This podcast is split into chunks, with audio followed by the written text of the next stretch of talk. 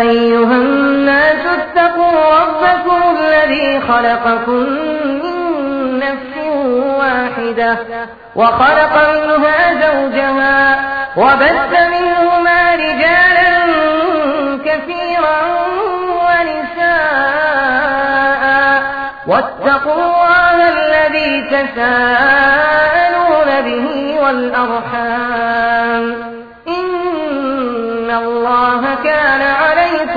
عليكم رقيبا بسم الله الرحمن الرحيم السلام عليكم ورحمة الله وبركاته إن الحمد لله نحمده ونستعينه ونستغفره ونعوذ بالله من شرور أنفسنا وسيئات أعمالنا من يهده الله فلا مضل له ومن يضلل فلا هادي له. وأشهد أن لا إله إلا الله وحده لا شريك له. وأشهد أن محمدا عبده ورسوله. يا أيها الذين آمنوا اتقوا الله حق تقاته ولا تموتن إلا وأنتم مسلمون.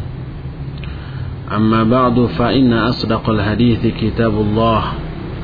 وخير الهدي هدي محمد صلى الله عليه وآله وسلم وشر الأمور محدثاتها وكل محدثة بدعة وكل بدعة ضلالة وكل ضلالة في النار. قال الله تعالى في كتابه الكريم أعوذ بالله السميع العليم من الشيطان الرجيم. ومن آياته أن خلق لكم من أنفسكم أزواجا لتسكنوا إليها وجعل بينكم مودة ورحمة إن في ذلك لآيات لقوم يتفكرون Ikhwati fillah azakumullah wa arsyadakum Sebagai manusia yang banyak memiliki kelemahan Kita tidak bisa hidup sendiri tanpa pasangan di dunia ini Pasangan itu amat sangat kita butuhkan dalam banyak aspek dan banyak hal. Oleh karena itulah, maka karena Islam bersumber dari yang maha menciptakan manusia, yang pasti juga mengetahui kebutuhan dasar dari manusia itu sendiri, maka dia pencipta dari agama ini dan pencipta dari manusia yang harus beragama ini menetapkan satu aturan untuk memenuhi kebutuhan manusia yang mendasar tadi yaitu disyariatkannya pernikahan. Bahkan di awal pembicaraan saya tadi saya mengutip satu ayat yang terdapat dalam surah Ar-Rum ayat yang ke-21 yang isinya menceritakan agungnya nilai pernikahan. Karena Allah di dalam ayat itu menjadikan pernikahan ini sebagai salah satu di antara tanda-tanda kebesaran dan kekuasaan Allah. Allah menyatakan, "Wa min ayatihi an khalaqalakum min anfusikum azwaja litaskunu ilaiha." Dan di antara tanda-tanda kebesaran Allah adalah Dia telah menciptakan bagi kalian pasangan-pasangan litaskunu ilaiha agar kalian merasa cenderung kepadanya. Jadi pernikahan antara seorang laki-laki dengan wanita berdasarkan syariat Islam maka itu dijadikan sebagai salah satu di antara tanda-tanda kebesaran Allah Subhanahu wa taala. Kita semua mengetahui bahwa Allah tidak mungkin menjadikan sesuatu yang kecil nilainya, yang remeh sebagai tanda bagi kebesaran Dia, tidak mungkin. Allah hanya akan menjadikan sesuatu yang agung, sesuatu yang bernilai tinggi, sesuatu yang dahsyat sebagai tanda-tanda bagi kebesaran atau kekuasaannya. Ini menunjukkan bahwa pernikahan di dalam ajaran Islam bukanlah sesuatu yang bernilai sepele ataupun rendah.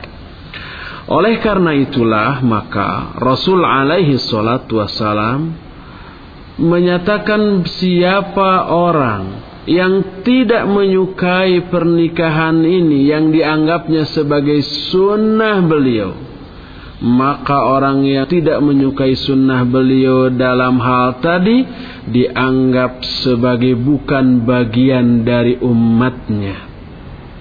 Sekalipun tidak menikahnya orang itu dengan motivasi yang sangat bagus dengan niat yang sangat baik umpamanya tidak menikah dalam rangka agar lebih intensif lagi dalam beribadah kepada Allah. Agar bisa lebih mendekatkan diri kepada Allah. Sehingga dia memutuskan tidak menikah maka sekalipun motivasinya sebaik itu tetap hal ini menyalahi sunnah Rasul alaihi salatu wassalam dan pelakunya tidak diakui sebagai bagian dari umatnya.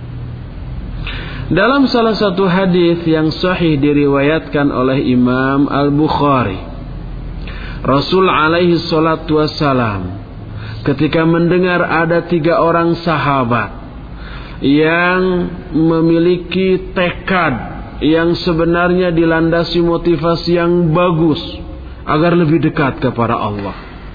Yang satu menyatakan saya tidak akan tidur akan sholat terus semalaman. Yang kedua menyatakan saya akan saum terus menerus dan tidak akan berbuka. Dan yang terakhir saya tidak akan menikahi para wanita. Ketika berita ini sampai kepada Nabi alaihi salatu wassalam, beliau mengingkari perbuatan ketiga sahabat tadi dengan mengatakan anak akhsyakum billah. Aku orang yang paling takut kepada Allah di antara kalian. Tapi aku pun salat, aku pun tidur. Aku saum, aku pun berbuka. Wa atazawwajun nisa dan saya pun menikahi beberapa wanita. Lalu di akhir hadis ini Nabi alaihi salatu wasallam menyatakan, "Faman raghiba an sunnati falaysa minni." Maka barang siapa orang yang tidak suka akan sunnahku tersebut, maka dia bukanlah umatku. Bahkan Islam lebih merinci beberapa keuntungan yang besar yang bisa diperoleh melalui pernikahan. Dengan nikah lahirlah ladang untuk meraih pahala berupa pelaksanaan kewajiban antara suami dan istri. Bercanda bersenda gurau suami dan istri adalah berpahala Melakukan hubungan intim suami istri juga berpahala. Berangkatnya seorang suami keluar dari rumah untuk mencari nafkah adalah ibadah yang berpahala. Perbuatan si istri mengatur menata rumah, mencuci piring, memasak, mengepel, mencuci pakaian semuanya bernilai pahala. Apalagi kalau sudah punya anak Mengandungnya adalah ibadah yang memiliki pahala besar.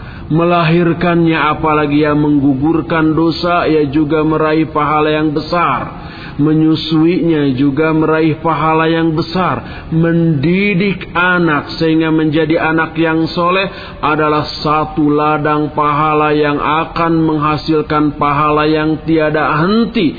Bukan hanya seumur hidup, bahkan sampai meninggalnya kedua orang tuanya, pahala dari doa anak yang soleh akan terus mengalir sampai hari kiamat dan seabrek keuntungan lainnya yang tidak diperoleh oleh orang-orang yang tidak melakukan pernikahan.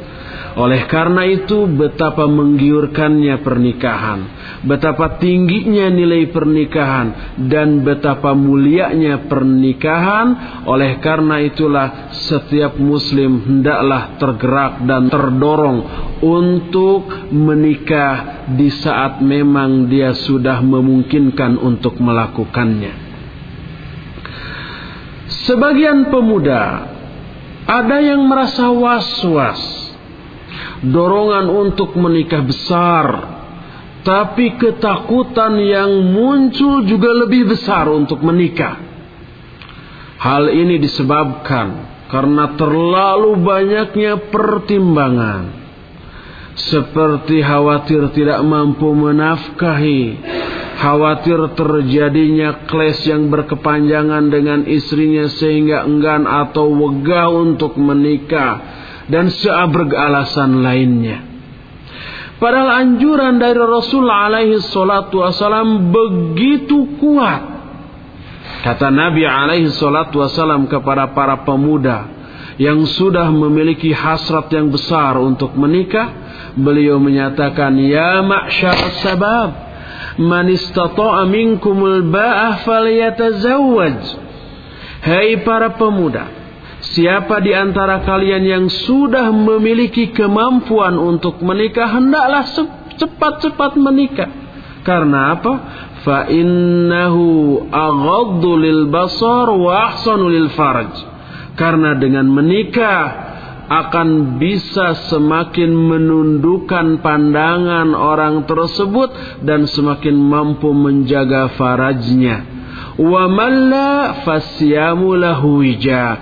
Tapi siapa yang belum memiliki kemampuan untuk menikah, belum memungkinkan untuk menikah karena satu dan lain hal, maka saum akan menjadi pengendali bagi dirinya, akan menjadi pengekang bagi syahwatnya. Hadis tersebut sahih diriwayatkan oleh Imam Bukhari dan Muslim dalam dua kitab sahihnya. Walaupun anjuran begitu kuat dan besar dari Nabi alaihi salatu wasalam kepada para pemuda. Tapi tetap rasa takut dan khawatir untuk melakukan pernikahan begitu besar dalam jiwa. Sehingga banyak di kalangan para pemuda yang enggan atau menunda pernikahan entah sampai kapan. Sikap seperti ini termasuk bagian dari tipu daya setan. Mereka menanamkan rasa takut dan kekhawatiran kepada para pemuda tersebut untuk melakukan ibadah yang agung ini.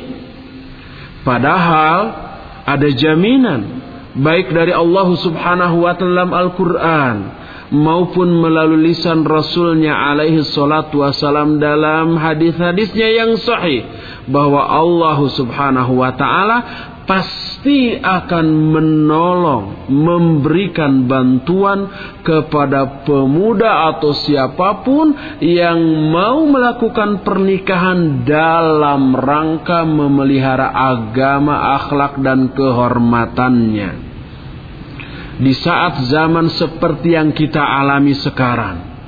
Dorongan atau hasrat seksual begitu besar. Tetapi kondisi juga tidak memungkinkan bagi dia untuk menikah. Sedangkan godaan begitu banyak. Banyaknya para wanita yang berpakaian tapi telanjang di tengah-tengah kita Artinya berpakaian tapi pakaiannya tidak menutup aurat yang mestinya wajib ditutup. Banyaknya media informasi yang menyajikan informasi-informasi yang merangsang syahwat, baik itu majalah, buku, koran, apalagi televisi dan yang lain-lainnya. Semakin dahsyat godaan ini sehingga tidak jarang orang yang terjerumus ke dalam kemaksiatan, perzinahan dan yang sejenisnya. Tapi sekalipun sehebat itu godaan, sekalipun sebesar itu daya dorong seksual yang dimiliki oleh pemuda, Sekalipun seagung itu nilai pernikahan, banyak para pemuda yang tetap enggan untuk melakukan pernikahan atau menundanya hanya karena khawatir tidak mampu menafkahi istri dan anak-anaknya. Padahal Rasul alaihi salatu wasallam bersabda dalam salah satu hadisnya. Beliau menyatakan, "Salasatun haqqun 'ala 'azza wa jalla aunuhum. Ada tiga kelompok manusia yang sudah menjadi kewajiban bagi Allah Azza wa Jalla untuk menolong mereka. Pertama adalah al-makatib yuridul ada. Pertama hamba sahaya yang bermaksud ingin menebus diri kepada tuannya agar terbebas dari status perbudakannya. Kedua, an-nakih yabghil afaf, orang yang menikah dalam rangka untuk memelihara diri dari kemaksiatan atau perzinahan atau yang sejenisnya. Dan yang ketiga yang terakhir adalah al-mujahidu fi sabilillah orang yang berjihad di jalan Allah. Hadis ini sahih diriwayatkan oleh Imam An-Nasai dan Imam At-Tirmidzi dengan sanad yang sahih. Hadis ini merupakan penguat dari beberapa ayat Al-Quran yang menyatakan Allah subhanahu wa ta'ala menjamin rizki orang yang akan menikah. Allah dalam salah satu ayat berfirman, "Wa ma min dabatin fil ardi illa 'ala Allah rizquha." Tidak ada satupun makhluk yang melata di muka bumi ini kecuali tanggungan Allah lah rizkinya. Siapa pun dia, jangankan manusia, binatang, jin dan yang lain-lain juga dijamin rizkinya oleh Allah. Termasuk di antaranya adalah manusia. Terlebih lagi manusia-manusia yang bermaksud menjaga kehormatan dirinya, menjaga agamanya dari kebinasaan, dari kemaksiatan, dari perzinahan, sehingga dia melangkah maju untuk melaksanakan salah satu perintah Allah dalam rangka itu, yaitu menikah pasti oleh Allah Subhanahu wa taala dijamin akan diberikan pertolongan yang dibutuhkan oleh orang seperti itu. Dalam salah satu ayat Allah menyatakan la taqtulu auladakum khasyata imlaq nahnu narzuqukum wa iyyahum janganlah kalian membunuh anak-anak kalian karena takut kelaparan kamilah yang akan menanggung rizki kalian dan juga rizki mereka. Oleh karena itulah Abu Bakar As-Siddiq radhiyallahu anhu ketika menafsirkan salah satu ayat bahwa Allah akan memberikan kecukupan kepada orang yang menikah dalam rangka untuk memelihara diri. Kata Abu Bakar As-Siddiq radhiyallahu anhu beliau menyatakan bahwa barang siapa orang yang mentaati Allah dengan cara menikah untuk memelihara kehormatan diri maka Allah akan memberikan jaminan kepada dia berupa memberikan rizki yang akan mencukupi dia dan keluarganya. Ucapan Abu Bakar As-Siddiq tadi dikutip oleh Imam Ibnu Katsir rahimahullah dalam kitab tafsirnya. Lalu kalau umpamanya seorang pemuda sudah memiliki tekad yang bulat untuk menikah, apa yang harus dia lakukan? Yang pertama harus dia lakukan adalah melakukan solat istikharah. Berdasarkan sebuah hadis. Hadis ini sahih diriwayatkan oleh Imam Bukhari. Rasul alaihi salatu menyatakan idza hamma ahadukum bil amri falyarka rak'ataini min ghairil fariḍah. Siapa atau apabila salah seorang di antara kalian memiliki maksud, tekad, rencana tentang satu urusan, hendaklah dia melakukan sholat dua rakaat selain sholat fardu. Maknanya adalah sholat sunnah.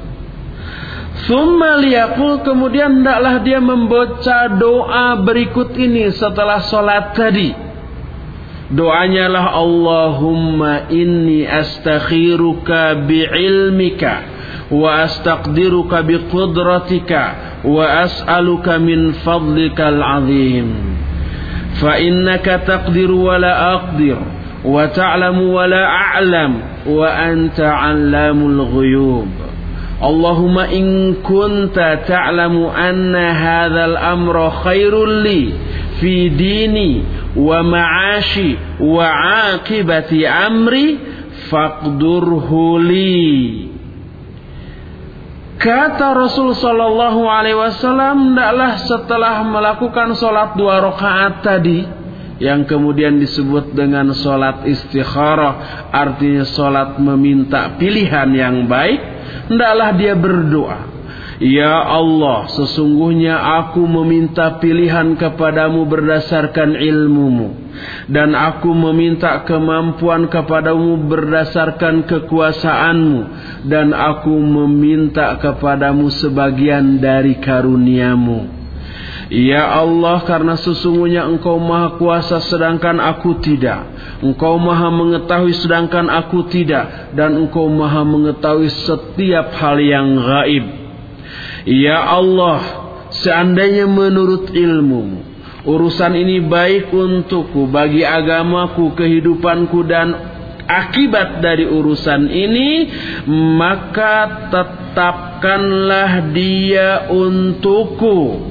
Faqdurhu li wa yassirhu li thumma barikni fihi thumma barikli fihi Tetapkanlah dia untukku, mudahkanlah dia untukku dan berkahilah aku dalam hal itu. Kemudian kelanjutan. Wa in kunta ta'lamu anna hadzal amra syarrul li fi dini wa ma'ashi wa akibati amri fasruf fasrifhu anni wasrifni anhu waqdir waqdir liyal khaira haitsu ma kunt thumma rdini bi. Ya Allah seandainya menurut ilmumu urusan ini jelek untukku untuk agamaku untuk kehidupanku dan untuk akibat dari urusan ini maka palingkan dia dari aku dan palingkan aku dari dia. Kemudian tetapkanlah bagiku hal yang lebih baik kemudian ridhoilah olehmu aku dalam hal tersebut ini adalah doa istikharah yang ditunaikan dalam rangka meminta pilihan lebih utama apabila Salat istikharah ini dilakukan di sepertiga akhir malam. Pertama, karena waktu tersebut adalah waktu yang memungkinkan kita untuk melakukan ibadah dengan khusyuk. Tidak ada gangguan, tidak ada kegaduhan, tidak ada keributan, sehingga mungkin kita lebih konsentrasi di dalam melakukan sholat kepada Allah. Yang keduanya, pada saat sepertiga akhir malam tersebutlah saat yang paling mustajab untuk berdoa. Di sepertiga malam yang terakhir itu Allah turun dari arasnya ke langit dunia lalu menantang. Hal min mustaghfirin illa ghafartulah. Wa hal min sailin illa ataituh. Tidak ada satupun orang yang meminta ampun pada saat ini kepadaku kecuali aku akan berikan ampunan. Tidak ada seorang pun yang meminta sesuatu kepadaku pasti kecuali pasti akan aku berikan apa yang dia minta itu dan tidak ada seorang pun yang berdoa kepadaku pada saat itu kecuali pasti akan aku kabulkan doanya. Oleh karena itu, apabila sholat istikharah dilakukan pada saat tersebut maka itu jauh lebih baik dibandingkan dengan waktu-waktu yang lainnya disunnahkan menurut Imam An-Nawawi rahimahullah untuk membaca surah Al-Kafirun di rokaat yang pertama dalam sholat istikharah tersebut. Setelah iftitah, Al-Fatihah, kemudian surah Al-Kafirun. Di rokaat keduanya seusai membaca Al-Fatihah dianjurkan untuk membaca surah Al-Ikhlas. Kedua surat tersebut merupakan dua surat yang tidak panjang, pendek tapi padat isinya. Sekalipun apa yang dinyatakan oleh Imam An-Nawawi rahimahullah tersebut tidak ditunjang dengan nas hadis, akan tapi kata Imam Ibnu Hajar Al-Asqalani rahimahullah Kedua surat itu amat sangat cocok dibaca dalam surat salat istikharah karena kedua surat itu disebut sebagai surah Al-Ikhlas dan itu amat sangat sesuai dibaca bagi orang yang ingin meminta kepada Allah atas keikhlasan dan dengan cara memurnikan ibadah hanya dan hanya kepada Allah Subhanahu wa taala. Selanjutnya apabila telah melakukan istikharah dan telah menjatuhkan pilihan kepada calon istri dengan memperhatikan beberapa kriteria yang harus dimiliki oleh calon istri tersebut. Ingat, memilih calon istri harus berdasarkan pertimbangan yang matang. Sebab istri kita nanti adalah orang yang paling besar peranannya di dalam mendorong kesuksesan kita atau dalam menghancurkan kita. Seseorang bisa sukses karena peran istrinya. Sebaliknya seseorang bisa binasa, bisa hancur, bisa terpuruk juga karena seorang istri. Selain itu istri kita lah yang bisa membuat betah tidaknya kita di rumah. Karena sikapnya kalau ramah, menyenangkan kita akan betah. Sebaliknya kalau umpamanya sikap sang istri mengecewakan kita, menyebalkan kita, maka kita tidak mungkin betah. Istri pula lah yang akan menata rumah kita. Apakah seusai kita pulang dari pekerjaan atau dari mana pun ke rumah, rumah itu sudah tertata dengan baik, rapi dan menyenangkan sehingga kita betah ataukah masih semrawut sehingga kita tidak betah berdiam diri di dalamnya? Selain itu istri kita pun adalah orang yang akan mengandung anak kita, melahirkan anak kita, dan mendidik membina anak-anak kita. Apakah istri kita mampu tidaknya melakukan semuanya itu? Itu akan berpengaruh besar pada kualitas, karakter, sifat, atau kesolehan anak-anak kita. Kalau tidak mampu mendidiknya, maka anak-anak kita akan tumbuh dengan liar, akhirnya nakal, akhirnya membuat malu kita sebagai orang tuanya.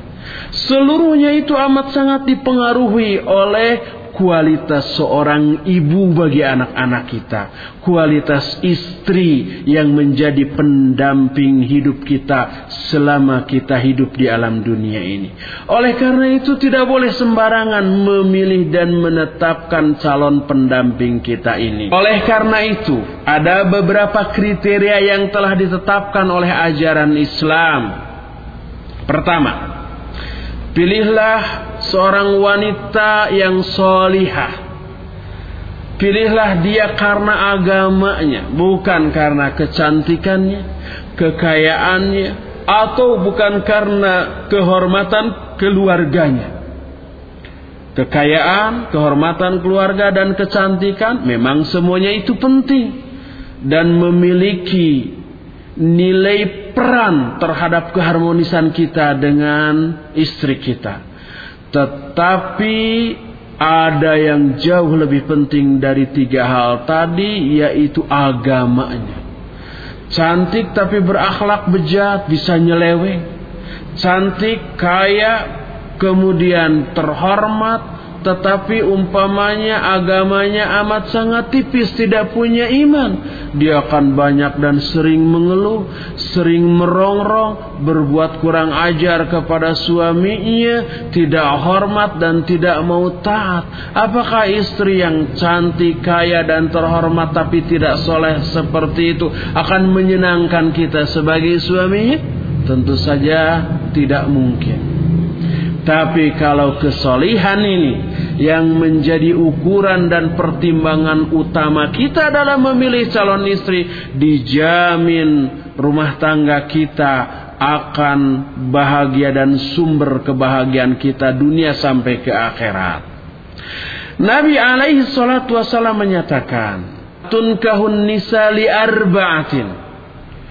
Para wanita biasanya dinikahi karena empat hal limaliha walihasabiha walijamaliha walidiniha.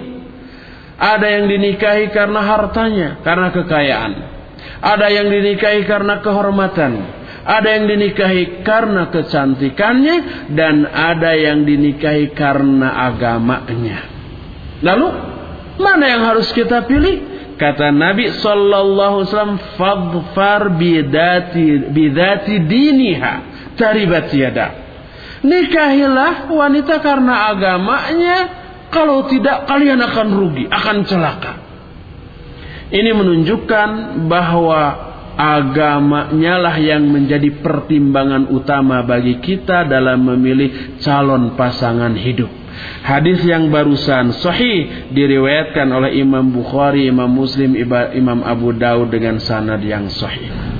Ada hadis lain dari Abdullah bin Amr bin As radhiyallahu anhuma. Rasul alaihi salatu wasallam menyatakan inna dunya kulluha mata'un wa khairu mata'id dunya al mar'atu salihah. Kata Nabi alaihi salatu wasallam, dunia ini semuanya perhiasan, semuanya kesenangan dan sebaik-baik kesenangan dunia adalah seorang wanita yang salihah. Dua hadis tadi cukuplah bagi kita untuk meyakinkan kepada kita bahwa kita harus memilih calon istri kita, calon pendamping hidup kita karena agamanya, karena kesolihannya, bukan karena yang lainnya. Adapun kalau ada wanita ya solihah, ya cantik, ya kaya, yang ter, ya juga terhormat, Alhamdulillah itu anugerah besar bagi suami yang memiliki istri yang seperti itu. Tapi amat sangat sulit wanita yang memiliki semuanya. Oleh karena itu yang harus diprioritaskan dan diutamakan adalah memilih calon istri karena agamanya, karena keimanannya, karena kesolihaannya. Yang pertama. Kedua, pilihlah seorang wanita yang masih gadis. Ini bukan kewajiban, bukan keharusan, tetapi lebih utama berdasarkan salah satu hadis. Hadis ini diterima dari Jabir bin Abdullah radhiyallahu an. Kata Jabir, "Sa'alani Rasulullah sallallahu alaihi wasallam, "Hal tazawwajta?" Qultu na'am. Qala biman? Qultu bi fulanah binti fulan bi ayyi min kanat bil Madinah. Qala fahalla bikran tula'ibuha wa tula'ibuk. Kata Jabir bin Abdullah, Rasulullah SAW bertanya kepadaku, Apakah kamu sudah menikah? Aku menjawab, ya sudah. Dengan siapa? Dengan si Fulanah binti Fulan seorang janda di Madinah. Kata Nabi Ali Shallallahu Wasallam, kenapa kamu tidak menikahi seorang gadis sehingga kamu bisa bersenda gurau dengannya dan dia pun bisa bercengkrama denganmu. Hadis ini menunjukkan bahwa memang lebih utama untuk memprioritaskan menikahi gadis daripada janda. Hadis tersebut sahih riwayat Imam Bukhari dan Imam Muslim dalam dua kitab sahihnya. Tapi apabila memilih janda lebih maslahat daripada memilih gadis, maka tidak apa-apa. Maka itu juga lebih utama. Berdasarkan hadis yang baru saja. Ada kelanjutan dari hadis itu. Kata Jabir, "Ya Rasulullah, kunna indin niswatun khurqun." Yani akhawatuha. Akhwatu. Fakaritu an atiyahunna bi imra'atin khuraqa mislahunna. Fakultu hadhi ajma' li amri. Wahai Rasulullah, sesungguhnya aku memiliki beberapa adik-adik perempuan. Aku khawatir kalau aku membawa wanita yang sebaya dengan mereka sama kerasnya, sama kekanak-kanakannya, maka itu tidak akan maslahat. Sehingga dengan memilih janda yang lebih dewasa, lebih matang, sudah berpengalaman dalam berumah tangga, hada ajmali amri. Ini lebih besar manfaatnya bagiku, lebih mencakup semua kebutuhanku. Apa kata Nabi sallallahu alaihi wasallam? Asabta. Kalau begitu benar dan bagus engkau. Jadi apabila kita memiliki pertimbangan tertentu sehingga memilih janda lebih maslahat daripada memilih gadis, maka itu lebih baik. Itulah kriteria yang kedua, memilih gadis. Apabila memang lebih utama bagi dia untuk memilih gadis daripada janda, tapi tidak apa-apa memilih janda apabila lebih maslahat tentang masalah yang sedang dia hadapi. Kriteria ketiga, Pilihlah wanita-wanita yang penyayang subur, calon ibu yang akan melahirkan banyak anak bagi kita. Berdasarkan sebuah hadis, Nabi alaihi salatu wasallam menyatakan tazawwajul wadudal walud fa inni mukathirum bikum. Nikahilah oleh kalian wanita-wanita yang penyayang dan yang subur karena sungguhnya aku akan merasa bangga dengan jumlah kalian dibanding umat-umat yang lain pada hari kiamat nanti. Melihat sifatnya yang penyayang bisa dilihat dari karakter keseharian. Bisa ditanyakan kepada sahabat-sahabat dekatnya. Apa dia penyayang kepada anak-anak ataukah cuek kepada anak-anak. Sedangkan melihat apa dia subur atau tidak bisa dilihat dari ibunya, dari kakak perempuannya, dari faktor genetika yang menurun dari ibunya kepada dirinya. Kalau ibunya umpah beranak banyak, kemudian kakak-kakak perempuannya juga begitu, insya Allah dia pun akan mewarisi karakter atau sifat seperti itu. Ini ikhtiar lahiriah yang bisa kita lakukan secara maksimal. Tapi kalau sudah kita lihat ibunya anaknya banyak, kemudian kakak-kakak perempuannya juga anaknya banyak, terus setelah kita nikahi ternyata dia mandul, ah, qadarullah wa masyafa. Itu takdir Allah yang Allah tetapkan untuk kita dan apa yang Allah kehendaki pasti akan terjadi, pasti akan dia lakukan. Jadi yang ketiga adalah memilih wanita-wanita yang penyayang dan subur dengan melihat ibu dan kakak-kakak perempuan. Setelah kita menetapkan pilihan untuk menjadi istri kita atau pendamping hidup kita. Apalagikah yang harus kita lakukan? Pertama, kita harus berupaya untuk melihat terlebih dahulu kepada si wanita itu. Menawar. Baik melihatnya itu secara terang-terangan. Sepengetahuan calon istri yang akan kita nikahi. Atau sekalipun tanpa sepengetahuan dia dengan harus mengintip.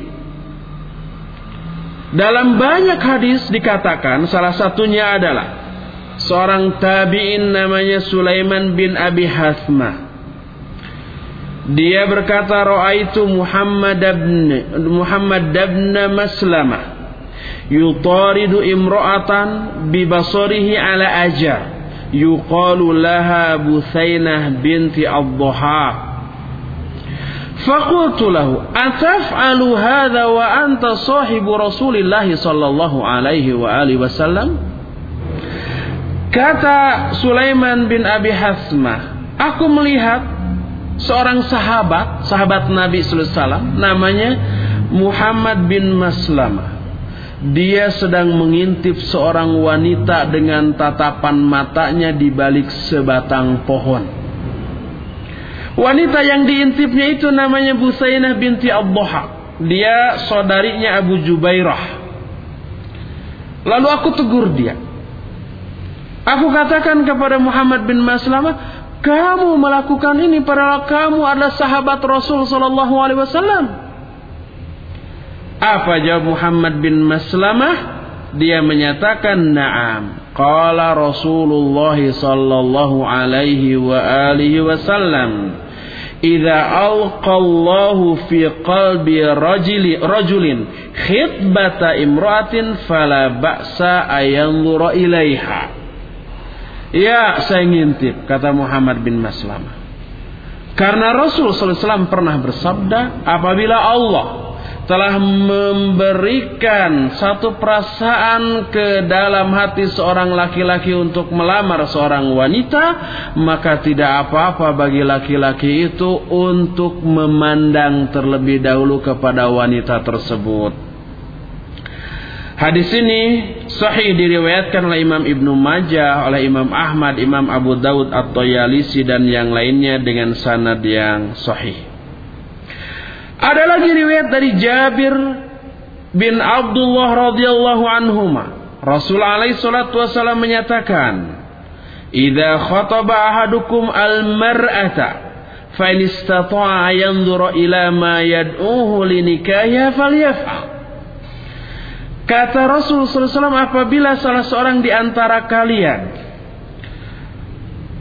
akan mengkhitbah melamar seorang wanita maka apabila dia mampu hendaklah dia melihat terlebih dahulu kepada bagian yang bisa lebih mendorong dia untuk menikahinya maka kerjakan kalau dia bisa melakukan itu.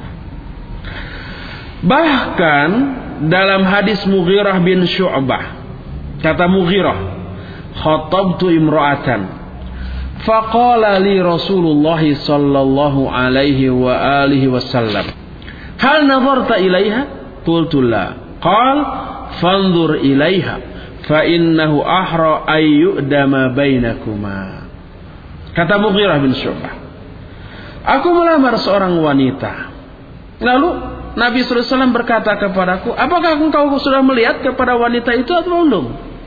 Aku menjawab, belum ya Rasulullah. Kata beliau, lihat dulu dia. Karena hal itu akan lebih mendawamkan keharmonisan di antara kalian. Hadis yang barusan diriwayatkan oleh Imam An-Nasai, Imam At-Tirmidzi dengan sanad yang sahih.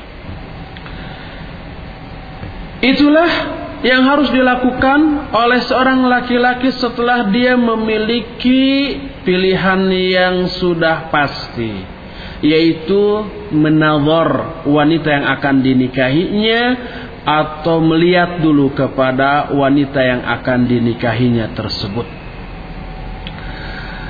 Setelah mantap hasil dari nazar tersebut, maka mulailah mengajukan lamaran kepada wali bagi wanita tersebut. Yang dimaksud wali adalah orang yang paling berwenang kepada wanita tersebut yaitu ayahnya. Kalau ayahnya tidak ada maka oleh kakeknya dan seterusnya ke atas. Kalau tidak ada juga, kalau dia janda dan punya anak laki-laki, maka melamar ke anaknya. Kalau anaknya laki-laki dan sudah dewasa.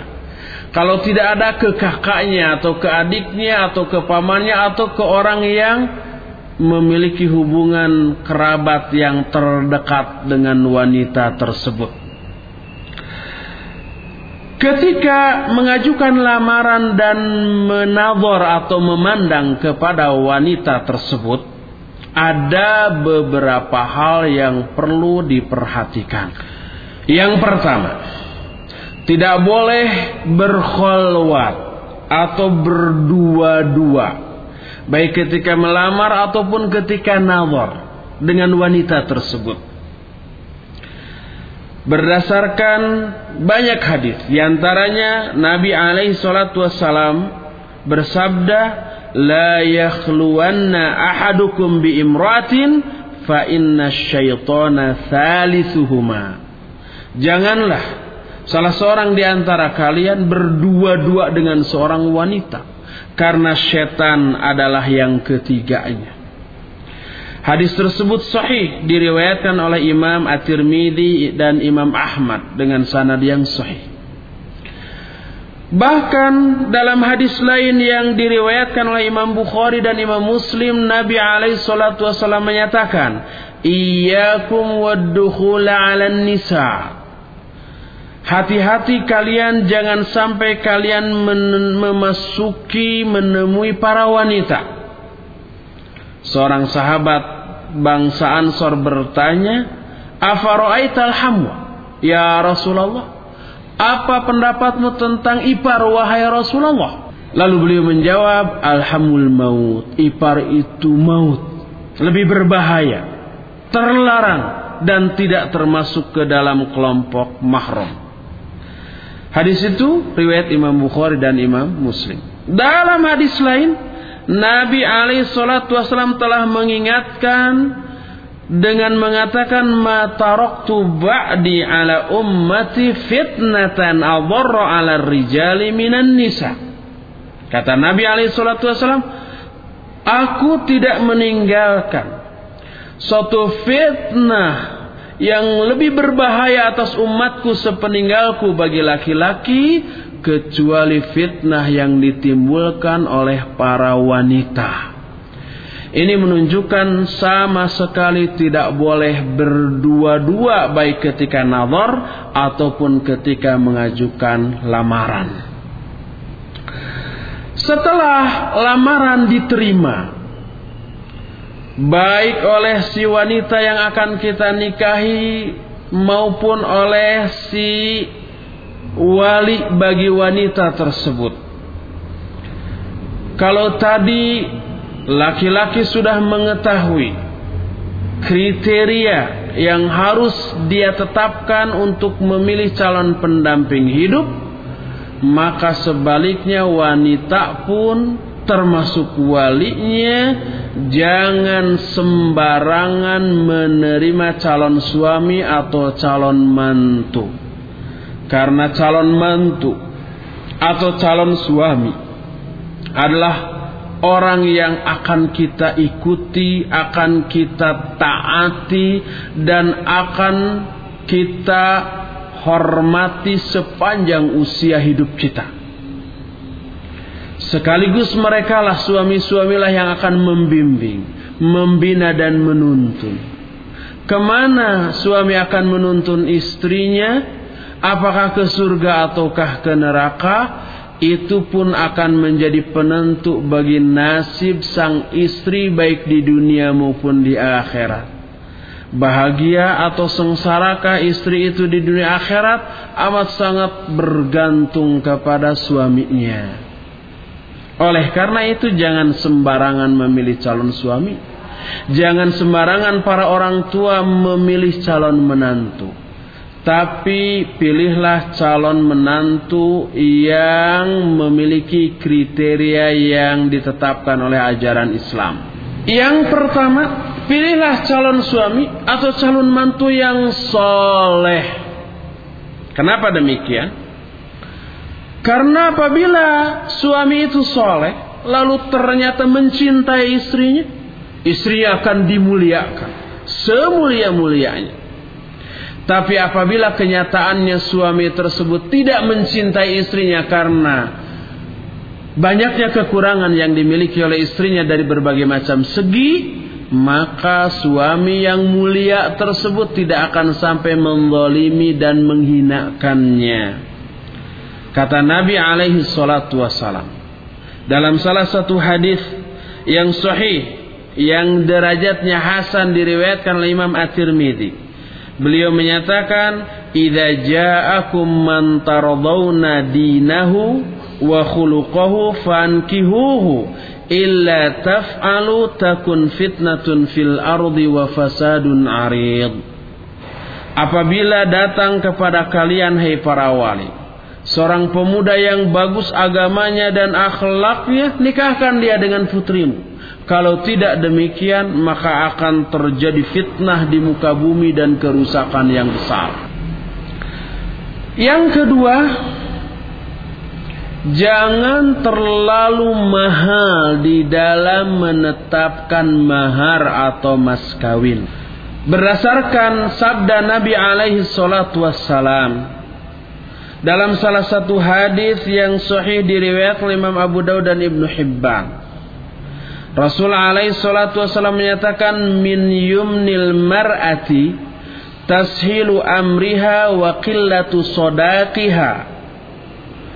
Kata Rasul sallallahu alaihi wasallam di antara keutamaan seorang wanita adalah dia selalu memudahkan urusannya dan tidak mahal menetapkan maharnya atau sedikit mahar yang ditetapkannya. Tentu saja ketika dilamar. Ini menunjukkan bahwa lebih utama bagi wanita untuk menetapkan mahar yang tidak terlalu mahal. Sekalipun mahar itu hak dia dia bebas meminta apa pun yang dia inginkan kepada calon suaminya. Akan tetapi apabila mahar atau mas kawin yang dia minta di luar kemampuan calon suaminya tentu saja ini akan menjadi masalah.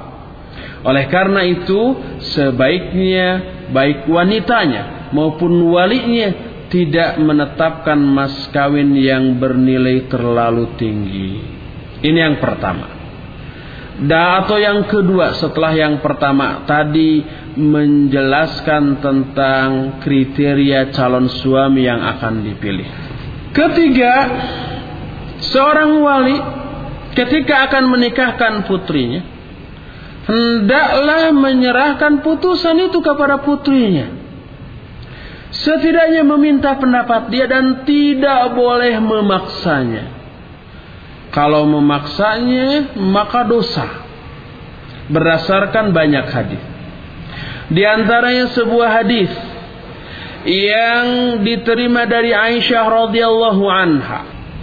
Kata Aisyah, "Dakhalat alayya fattatu." Faqalat, "Inna abi zawwajani ibna akhi wa ana karihah." Qalat ijlisi hatta ya'ti Rasulullah sallallahu alaihi wasallam. Falamma jaa Rasulullah sallallahu alaihi wasallam fa akhbartuhu. Fa arsala ila abiha. Fada'ahu fajala al-amra ilaiha faqalat ya Rasulullah qad ajaztu ma sana'a abi walakin aradtu an a'lam alin nisa'i minal amri syai'un Kata Aisyah radhiyallahu anha. Suatu saat datang seorang gadis kepadaku. Lalu dia berkata, Sesungguhnya bapakku telah menikahkan aku dengan anak saudaranya secara paksa dan aku tidak suka. Apa yang harus aku lakukan? Curhat ini si gadis kepada Aisyah. Apa kata Aisyah? Duduklah di sini sampai Rasul SAW datang. Setelah Rasul SAW datang, aku kabarkan hal itu kepada Rasul SAW. Lalu beliau mengutus seseorang untuk memanggil bapak si gadis tersebut. Setelah datang, lalu urusan keputusan pernikahan itu sepenuhnya diserahkan kepada si gadis. Lalu si gadis berkata, Wahai Rasulullah, aku telah izinkan, aku telah bolehkan apa yang telah dilakukan oleh bapakku tapi aku bertindak seperti ini sekedar untuk tahu bahwa wanita juga memiliki hak dalam masalah ini. Hadis ini menjelaskan bahwa tidak boleh seorang bapak, seorang wali bersikap otoriter memaksa putrinya untuk menikah dengan lelaki pilihannya tanpa persetujuan si wanita tersebut. Lalu bagaimana isyarat persetujuan si wanita mengingat dia ini amat sangat pemalu. Mungkin dalam hatinya sudah besar keinginan untuk menikah. Tapi untuk belak-belakan terus terang kepada orang tuanya amat sangat malu. Jangankan bicara lebih dahulu. Ditanya pun apa kamu sudah ingin nikah? Karena rasa malu yang besar dia diam. Kebanyakan seperti itu. Tapi mungkin para wanita modern sekarang ini tidak seperti itu lagi. Dilarang pun maksa minta. Tapi mungkin ada wanita-wanita yang masih memiliki rasa malu yang besar. Dalam salah satu hadis, Nabi alaihi salatu wasallam menyatakan la tunkahu thayyibu hatta tusta'dzan wa la tunkahul bikr hatta. Qalu ya Rasulullah kaifa idnuha? Qala idnuha an taskut. Kata Nabi Shallallahu Alaihi Wasallam dalam hadis yang diterima dari Abu Hurairah radhiyallahu an, beliau menyatakan tidak boleh seorang janda dinikahkan sebelum dimintai izin dan tidak boleh seorang gadis dinikahkan kecuali setelah dimintai persetujuannya. Lalu para sahabat, para sahabat bertanya, bagaimana tanda izin dari gadis ya Rasulullah? Beliau menjawab, izinnya adalah diamnya. Kalau diam ketika ditanya kamu mau nggak dinikahkan kepada si fulan, lalu dia diam. Apalagi roman wajahnya menunjukkan sumringah, menunjukkan kebahagiaan, tapi malu untuk mengungkapkan. Maka diamnya wanita tersebut menunjukkan persetujuan dia untuk dinikahkan. Bahkan boleh pula seorang wali atau seorang ayah menawar-nawarkan putrinya kepada laki-laki yang dianggap saleh. Dan ini tidak haram. Selama si putrinya tersebut memang menyerahkan urusan pernikahan ini kepada bapaknya. Tidak diharamkan, tidak dilarang dan tidak mengurangi kemuliaan dan kehormatan baik si ayah maupun si wanita tersebut. Umar ibn Khattab radhiyallahu anhu dalam salah satu hadis yang diriwayatkan oleh Imam Bukhari, Muslim, An-Nasai dan yang lainnya menyatakan setelah Hafsah binti Umar menjanda dan para sahabat Rasul sallallahu alaihi wasallam telah banyak yang wafat di Madinah aku mendatangi Utsman bin Affan radhiyallahu anhu lalu aku, tawarkan Hafsah kepada dia aku berkata Wahai Utsman, kalau engkau mau akan aku nikahkan engkau kepada Hafsah. Apa kata Utsman? Aku lihat dulu keadaan diriku. Setelah berlalu beberapa hari, maka Utsman menemuiku lalu berkata, "Aku telah yakin sekarang bahwa aku tidak akan menikah dengan putrimu." Itu kata Utsman. Lalu kata Umar, "Aku mendatangi Abu Bakar radhiyallahu an." Lalu aku berkata, kalau engkau mau hai Abu Bakar, aku akan nikahkan engkau dengan putriku Hafsah. Diamlah Abu Bakar, tidak menjawab sedikit pun. Dan aku melihat isyarat dalam diri Abu Bakar seperti yang aku lihat dalam diri Utsman. Artinya Abu Bakar pun kayaknya tidak akan mau menikahi putrinya. Tapi apa yang terjadi? Setelah berlalu beberapa hari datanglah Rasul sallallahu alaihi wasallam melamar Hafsah kepada Umar lalu oleh Umar dinikahkan kepada putrinya tersebut. Setelah itu bertemulah Umar dengan Abu Bakar. Abu Bakar berkata, "Hai hey Umar, masih ingat enggak ketika engkau menawarkan putrimu kepadaku seolah-olah engkau melihat sesuatu sikap yang ragu pada diriku? Kata Umar, iya. Kata Abu Bakar, fa innahu lam yamna'ni an arji'a ilaika syai'an fi ma aradta alayya illa anni kuntu alimtu anna Rasulullah sallallahu alaihi wasallam qad dzakaraha wa ma kuntu li ufshiya sirran li Rasulillah sallallahu alaihi wasallam. Walau tarakaha laqabaltuha. Kata Abu Bakar tidak ada yang menghalangi aku untuk memberikan jawaban kepadamu ketika engkau menawarkan Hafsah kepada diriku kecuali karena sungguhnya aku telah mengetahui bahwa Rasul sallallahu alaihi wasallam pernah mengatakan minatnya kepada Hafsah. Dan aku tidak ingin menyebar luaskan rahasia Rasul sallallahu alaihi wasallam ini. Seandainya Rasul SAW tidak akan melamarnya pasti akan aku terima tawaranmu. Demikianlah hadis yang menjelaskan bahwa Umar bin Khattab radhiyallahu an menawar-nawarkan putrinya itu Hafsah ke orang-orang yang saleh kepada Utsman, kepada Abu Bakar, ternyata kedua-duanya menolak tetapi menolaknya karena mereka sudah mengetahui bahwa Rasul alaihi salatu wasalam berminat untuk menikahi Hafsah. Kemudian dinikahkanlah Hafsah ini kepada Rasul sallallahu alaihi wa alihi wasallam. Ini menunjukkan bolehnya seorang ayah menawar-nawarkan putrinya kepada laki-laki yang dianggapnya sebagai orang-orang soleh yang akan menjadi suami bagi putrinya tersebut. Seusai proses lamaran, Tinggal satu langkah yang harus dilakukan, yaitu melakukan akad pernikahan. Diupayakan secepat mungkin waktu sejak mulai diterimanya lamaran tersebut sampai akad pernikahan.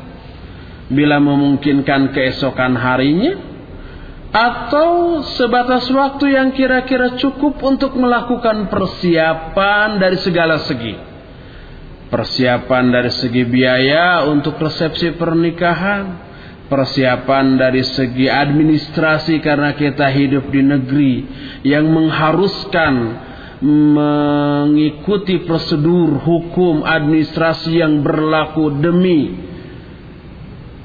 kelangsungan kehidupan belajar atau pendidikan anak-anak kita nanti.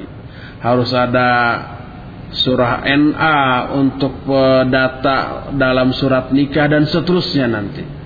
Dan itu membutuhkan waktu. Maka boleh menetapkan waktu yang tidak terlalu lama sejak mulai diterimanya lamaran sampai akad pernikahan.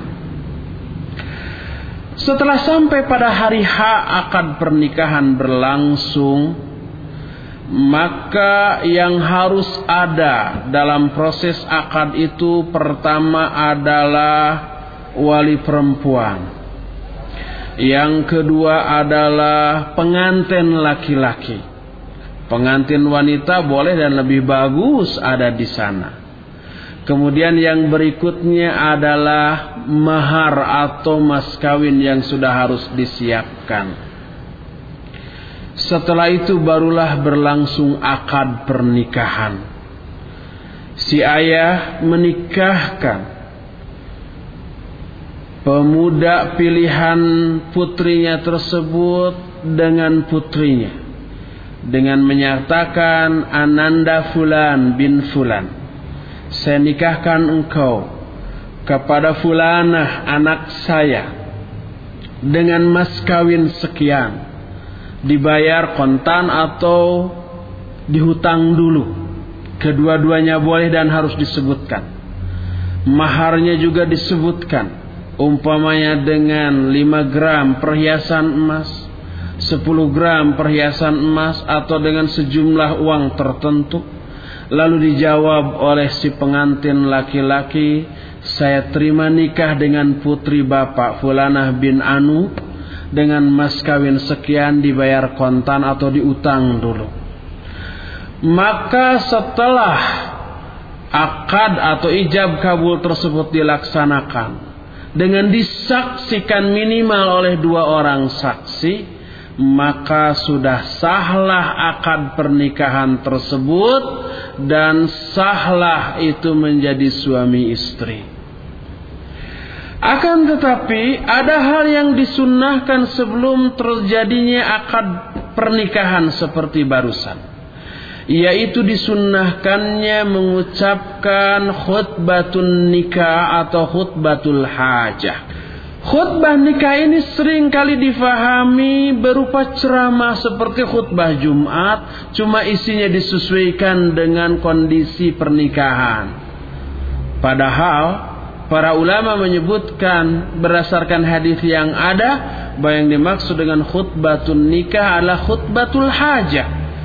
Bukan berisi ceramah. Tapi lafad khutbatun nikah atau khutbatul hajah itu mengucapkan Innal hamdalillah nahmaduhu wa nasta'inuhu wa nastaghfiruh billahi min shururi anfusina wa من يهده الله فلا مضل له ومن يضلل فلا هادي له. وأشهد أن لا إله إلا الله وحده لا شريك له وأشهد أن محمدا عبده ورسوله. يا أيها الذين آمنوا اتقوا الله حق تقاته ولا تموتن إلا وأنتم مسلمون. يا أيها الناس اتقوا ربكم الذي خلقكم من نفس واحدة وخلق منها زوجها وبث منهما رجالا كثيرا ونساء. واتقوا الله الذي تساءلون به والأرحام إن الله كان عليكم رقيبا. يا أيها الذين آمنوا اتقوا الله وقولوا قولا سديدا. يصلح لكم أعمالكم ويغفر لكم ذنوبكم. ومن يطع الله ورسوله فقد فاز فوزا عظيما. Itulah lafaz khutbatun nikah. Yaitu membaca hamdalah sampai syahadat dan solawat lalu membaca surah Ali Imran ayat 103 lalu membaca surah An-Nisa ayat yang pertama kemudian surat yang terakhir yang barusan. Sudah itulah lafaz dari khutbatul hajah atau khutbatun nikah. Tidak ada ceramah pada khutbatun nikah tersebut Inilah hal yang sesuai dengan sunnah Rasul alaihi salatu wassalam. Setelah beres mengucapkan khutbatun nikah tersebut, barulah terjadi proses akad pernikahan yang berisi ijab kabul antara wali wanita dengan pengantin laki-laki seperti yang sudah dijelaskan tadi. Setelah itu yang harus dilakukan sesuai dengan sunnah adalah mengadakan walimah atau resepsi pernikahan. Dengan cara mengundang orang-orang untuk menyantap makanan yang sebelumnya sudah disediakan. Tentu saja hal ini membutuhkan beberapa upaya sebelumnya yaitu menyebarluaskan undangan dan pemberitahuan tentang adanya proses pernikahan dan walimahnya pada hari tersebut. Pengumumannya dilakukan beberapa hari jauh sebelumnya. Dalam salah satu hadis Nabi sallallahu alaihi wasallam dikatakan ma aulaman Nabi sallallahu alaihi wasallam ala syai'in min nisaihi ma aulama ala Zainab aulama bisyatin. Kata Anas bin Malik yang meriwayatkan hadis ini, Nabi Shallallahu Alaihi Wasallam tidak pernah mengadakan walimah ketika menikahi istri-istrinya seperti walimah yang diadakan ketika menikahi Zainab. Beliau walimah dengan satu ekor kambing. Dalam hadis yang lain yang diriwayatkan oleh Imam Bukhari dan Muslim, Nabi Shallallahu Alaihi Wasallam berkata kepada Abdurrahman bin Auf ketika dia sedang mau menikah kata Nabi aulim walau bisyatim adakanlah walimah sekalipun hanya dengan menyembelih seekor kambing sunahkan dan para miskin, orang-orang yang belum memiliki kemampuan yang permanen dari segi ekonomi. Undanglah mereka Jangan sebaliknya yang diundang yang kaya-kaya, yang miskinnya tidak. Karena ada udang di balik itu, ada uang di balik am.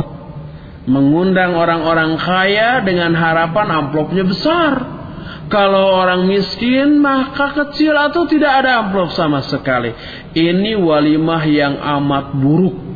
Kata Nabi Shallallahu Alaihi Wasallam, syarrut to'am to'amul walimah yud'a ilaihal agniya wa yutrakul masakin. Seburuk-buruk makanan adalah makanan dari sebuah resepsi yang hanya mengundang orang kaya dan tidak mengundang orang-orang miskin ke dalam resepsi pernikahan tersebut.